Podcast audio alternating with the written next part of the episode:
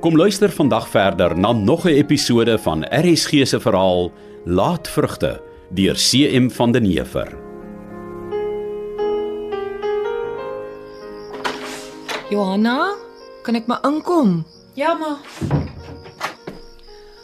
Jy sit elke dag so voor die venster en uitkyk oor die veld. Raak jy nie moeg nie? Hoe kan ek moeg raak om te wag vir die dag wanneer ek my lewe weer op koers gaan kry, ma? Kyk jy vir die pad? Ja. Maar dit maar gedink. O oh, nee, nee, ek dog jy kyk sommer so uit oor die veld. Ek hou die pad dop wat vir my hoop en liefde moet bring. En verrassings en opgewondenheid. Alles wat hy tot nou toe nog nie vir my gebring het nie. Hy bly net 'n ou kaal wit streep op die heuwel. Ag, my arme kind. Ek wil jou kom vra of jy nie dalk tog môre saam met my wil dorp toe gaan nie. Sodat almal na my moet kyk asof ek 'n moord gepleeg het. Ek gaan dan nie eers by my eie kamer uitbehalwe as dit baie nodig is nie, ma. Johanna, my kind. Ek moes vir twee mense baie vertroulik sê wat jou oorgekom het. Dokter Bam en Tansali. Ek kan nie sien hoekom hulle nou al moes sê nie. Met 'n eerste baba kan dinge baie keer verkeerd loop. En dan moet daar iemand wees om te help. Nou, is dit net om lekker sappige skindernuus oor te vertel. Asseblief glo my Johanna. Ek wou net probeer goed doen. Nes ma en pa ook net wou goed doen om my te verbied om Henning te sien. ja, en met goeie rede. Kyk en watter gemors is ons nou. Ek moes sommer self geloop het na pa daardie eerste oggend gesê het hy sal niks daarvan dink om my die huis te jaag en te onterf nie. Ek moes lankal al 'n einde aan alles gemaak het. Soos wat ek wou toe ek nog by Tantini hulle was. Johanna, asseblief, sê maar jy's nie ernstig nie. Lyk dit miskien vir ma of ek grappies maak? Jy mag nie weer so praat nie, hoor jy my? Dis erg genoeg om net daaraan te dink om jou hand aan jou eie lewe te slaan. Maar as daar 'n nuwe onskuldige lewe in jou groei, Johanna, dis onvergeeflik. Dit dis moord. Ek weet. Hoekom dink ma as ek nog hier? Oh my kind. My arme kind. Ek sal jou nooit wegstoot nie, hoor jy? En gee pa net 'n bietjie kans. Jy's verniet sy oogappelie. Ek kan nie glo hoe gou het almal geweet van van my nie. Ag, ek kan nie glo dit het uitgelek nie. Ek was so seker vertroulik beteken hulle sal vir niemand sê nie. Hm, En tog, Ma, ja my kind. ek's jammer vir alles. Vir wat ma hulle moet deurmaak, vir alpa. Ag. Hy sal daaroor kom. Eendag. Maar ek weet ek het ma hulle in die steek gelaat. Ag, glo dit of nie my liewe kind. Partykeer dink ek ons het jou in die steek gelaat. Ma, Jy was reg. Ons het die seun geoordeel op grond van wie en wat sy pa is. Ons het hom nooit 'n kans gegee nie. En miskien as ons dit gedoen het, sou jy mettertyd uit jou eie anders oor hom gevoel het. miskien. Ja. Ek het ma hulle in die steek gelaat. En die mens vir wie ek die liefste van almal is, het my weer in die steek gelaat. Ai, sien jou lewe nie snaaks nie. Waarin dink jy as jy so in die donker voor die venster sit? Ag ma. Ek dink aan baie dinge en ek dink aan niks. Maar ek ken elke ding daar buite in die donker. Die Turksvy laning altyd in die landmuur af. Die twee sipresse daar links net voor die draai in die plaaspad. Die randjie wat vir my lyk soos 'n olifant se kop. En daar ver teen die horison is daar 'n eensame heuwel waar alles ophou. Jy weet, jy sal hiermee ook moet ophou, nê? Waarmee ma? Jou so afsluit van die wêreld en van ons. En elke aand hier voor die venster bly sit en aan baie dinge dink. En aan niks dink nie. Later kyk ek na die sterre. Wanneer kom die eerstes uit en watter sterre staan uit? Soos die groot rooi ster. Daar's nie nog so een nie. Dit lyk my ek mis baie. Altemit moet ek ook hier kom sit. Miskien leer ek nog iets. Wel, dit kan ek maar sê. As later so baie sterre dat as ek stip opkyk in die groot groot hemel, dan voel dit later of hulle om my is. En of ek in God se troonsaal is waar hy sit met al die majesteit in sy hande. Dis soos 'n baie baie heilige kerkgebou. En ek kan nie anders as om my hande te vou en te bid dat hy my sal vergewe vir die sonde wat ek gedoen het nie. Dat hy my asseblief nie moet straf daarvoor nie. Ai, my kindjie. Jy het tog nie nodig om elke aand vir dieselfde son om vergifnis te vra nie. Jy doen dit mos nie oor en oor nie. Ja, mamma, net God weet hoe groot het ek gesondig. Maar Johanna, wat het jy dan gedoen wat so verskriklik erg is? My liefde vir Henning was so groot dat ek hom amper bo God gesien het. Ek sou alles en enigiets vir hom doen, ma. Meer, baie meer as vir God. Dit was my sonde en ek weet nie of God my dit ooit sal vergewe nie. Nou is ek ook hoe jammer. Maar natuurlik sal God jou vergewe. Nee, hy het jou al vergewe. Dink maar regtig so. Ek weet so my liewe kind. Hoe kon jy my so in die steek laat, Henning?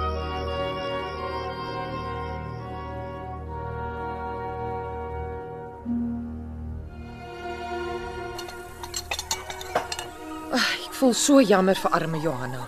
Sy kry regtig swaar, weet jy. Nou weet jy hoe swaar kry ek. Ag, wat nou weer, Jaap?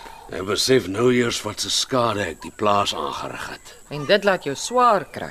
My hart, my gevoelens, vrou, is een groot bondel pyn as ek sien hoe ek alles laat verwaarloos het. Soos wat nou byvoorbeeld? Alles. My liefde vir die rusbank was my ondergang. Mita, ek skaam my. Dele van die plaas is heeltemal uitgetrap.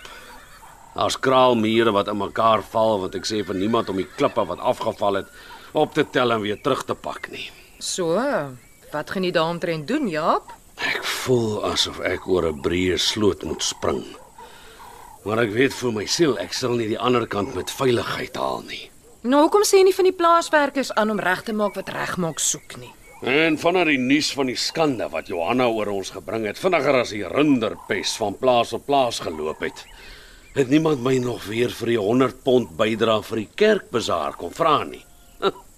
En dit nadat hulle my eers gesmeek het daarvoor. Dink net aan die geld wat ons spaar. Huh. En het jy al opgelet Mita, hoe mense wat vroeër altyd vriendelik gewuif of partykeer glad by die hek gestop het om bietjie te gesels.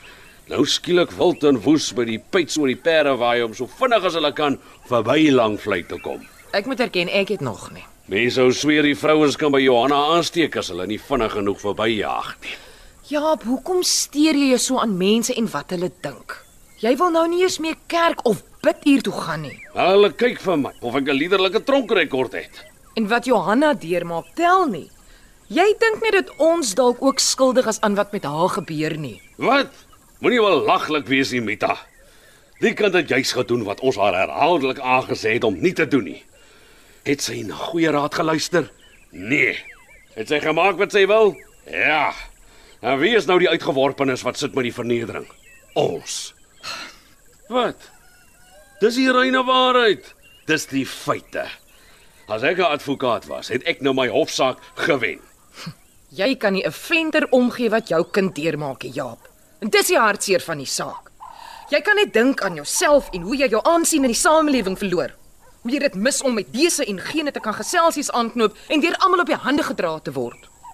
Jy moet tog geslag na jouself in die spieël kyk, En waarvoor sal ek dit wil doen? sodat jy kan sien hoe trek jou mond stroef en bitter ondertoe. 'n Onderste bo glimlag. Weet jy wat kwel my erg teesta, Mita? Sal ek verkeerd wees as ek sê alles wat jou persoonlik raak? Wees tog ernstig. Ek is ernstig. Ek wonder of daar tog 'n God is. Jaap, Dis waar. As daar 'n God is, hoekom het hy die mens so vol sonde geskaap? Hm? Net sodat hy die genoeg kan hê om hulle weer te bekeer. Jaap. Dis godslasterlik. En hoekom het hy sulke vreeslike drifte in die mens geplant wat Johanna in die ongeluk gestort het? Wat sonde is. Maar dieselfde drifte in die huwelik is nie sonde nie. En dan probeer die mens boonop met skynheiligheid iets toesmeer wat maar net 'n natuurlike ding is waarmee hierdie einste God ons dan nou geskaap het. Jaap.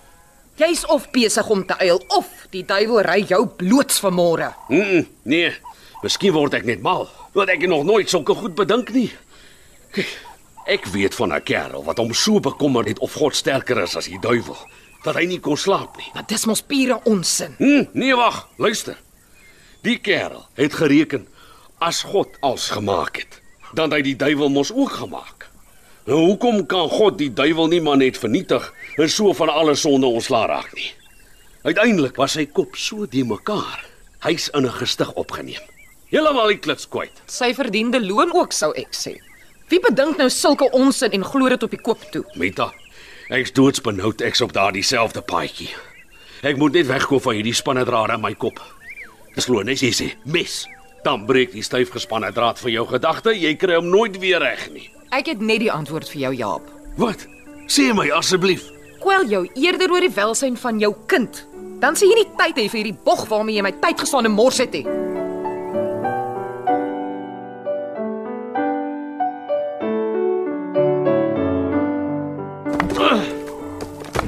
Boks! Boks nie pas!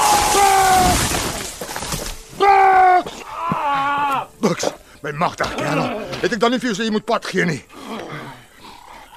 Boks, kan jy my hoor? Boks, Reg. moenie roer nie. Ek gaan kry hulp om jou by die huis te kry. Verduivels baas Januarie tog.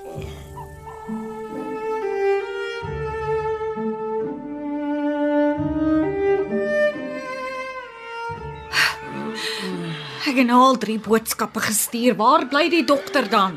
Die vader leef weet. Boks, hoe voel jou seun? Nee, wat heel goed oom Sybrand, dankie. Wat dink oom? Hy lyk vir my al of hy swakker word. Ek wens net die dokter wil nou kom. Ja, dit lyk nie goed nie. Ek kan net nie verstaan wat hou die dokter op nie. Behalwe as hy moes uitren na 'n ander koers, Wat dan, oom? dan is ons gelukkig as hy vandag die boodskap kry. Ek ek weet nie eers wat anders om vir hom te gee as die kompres op sy rug nie. As hy net eers kan slaap, sal alles regkom. Ek seker. Ja. Hoe gaan dit nou, ou Buks? Peter, dankie oom. Hou net moed hoor. Die dokter is nou nou hier. Oom moes nie die, die onkoste gemaak het nie. Ek, ek voel beter. Nee, jong. Ons moet daarom seker maak niks is gebreek nie. Dankie oom. Nou wil ek die skinderbekke hoor. Hulle sal seker allerlei stories bedink oor hoe ek Buks onder die vallende boom gekry het. Heilige spul modderbekke. Lyk my hy raak aan nie slaap, oom. Nou sal hy beter word. Ja. Ek reken niemand sal seker byt aan die waarheid nie. Maar wie sou ooit verwag dat die boom in sy val teen 'n ander boom so kwaai sou swaai dat die afgekapte stam die arme Buks plat sou slaan? Solank oom net rein geweet het, wie gee om wat die hele wêreld dink. Ja. Dis ek my lewe lank ook sê. Buks, hoe gaan dit? Buks, Buks. Buks. Oom Sybrand. wat het my? Nee, hy hy hol nie meer asem nie, Buks. Buks. Buks. Toe maar my. Buks sal sy laaste gesprek in die familiekerkhof kry. Dankie oom. Hy uh, sal nog wel 'n end weg van die ander grafte in die verste hoek te ruste gelê word.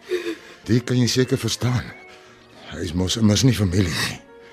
Nee oom. En is 'n bywoner.